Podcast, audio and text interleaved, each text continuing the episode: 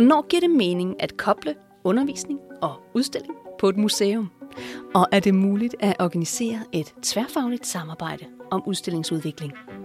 I denne podcast-serie undersøger skoletjenesten, Videnscenter for eksterne læringsmiljøer, tværfaglige samarbejdsformer på museer.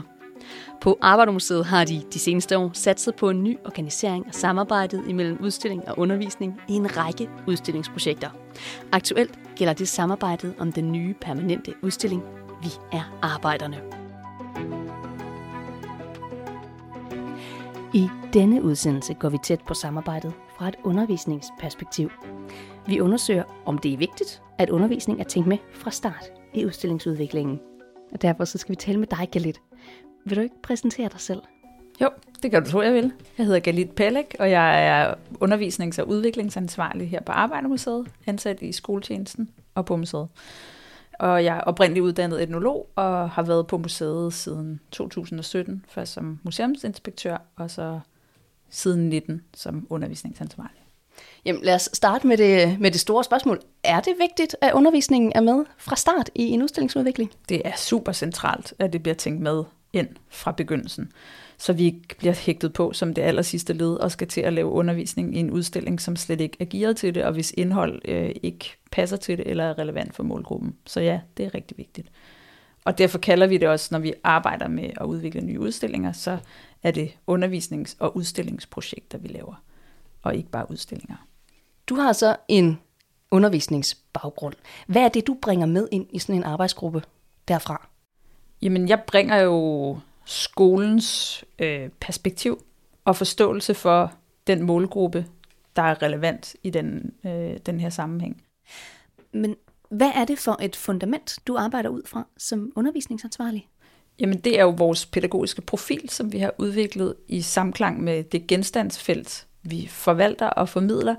Øh, og det handler jo rigtig meget om demokrati og demokratiske handlemuligheder. Så vores pædagogiske profil er centreret om, at vi gerne vil styrke børn og unges demokratiske handlekompetencer og deres demokratiske selvtillid og at vi vil give dem nogle historiske perspektiver på deres eget liv, som de kan bruge nu, men også i forhold til at tænke ind i fremtiden med.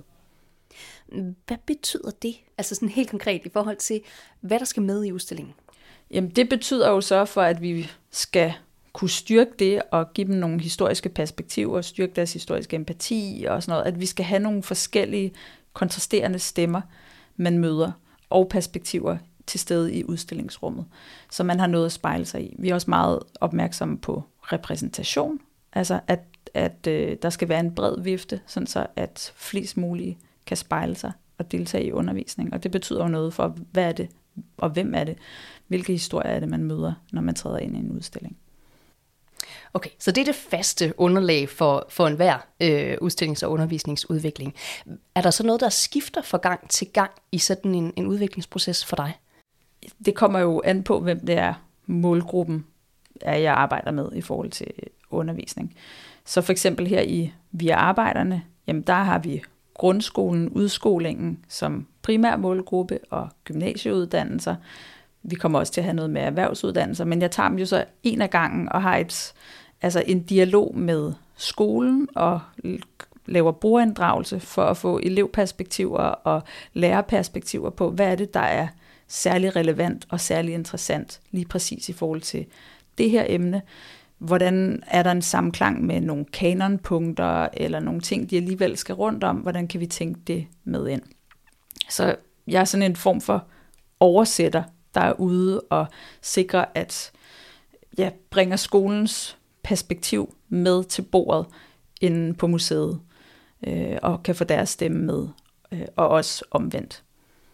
Ja. Hvordan virker det så rent praktisk, når I sidder, nu forestiller jeg mig, at I sidder hele udstillingsudviklingsgruppen om et bord, og I skal samarbejde om at lave den her udstilling, og du kommer med alle de her input udefra. Hvordan fungerer det så i praksis? Jamen det kan for eksempel være, at jeg ligger nogle workshops ind, hvor jeg er ude i klasser, og så tester jeg forskellige greb eller emner eller dilemmaer af på en klasse. Og så kan jeg gå med tilbage øh, med det, og så sige, om eleverne de var særlig optaget af det her, eller det her, det forstod de simpelthen ikke.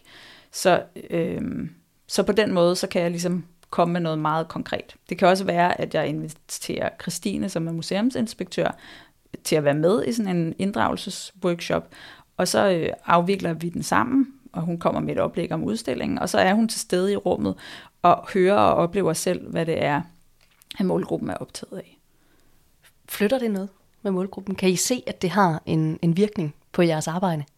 Altså det er jo ret stærkt at kunne komme med argumenter og kunne sige, at de responderer faktisk sådan her, eller de forstår det ikke. Så, så det her med at kunne teste elementer af, inden vi overhovedet har en fysisk udstilling, gør jo, at vi kan skærpe den helt vildt, før vi når til det endelige resultat. Det, der sker, når vi laver brugerinddragelse, det er jo, at vi får skabt en meget bedre og stærkere udstillingsprodukt, fordi vi ved, at det er relevant for dem, vi laver udstillingen for.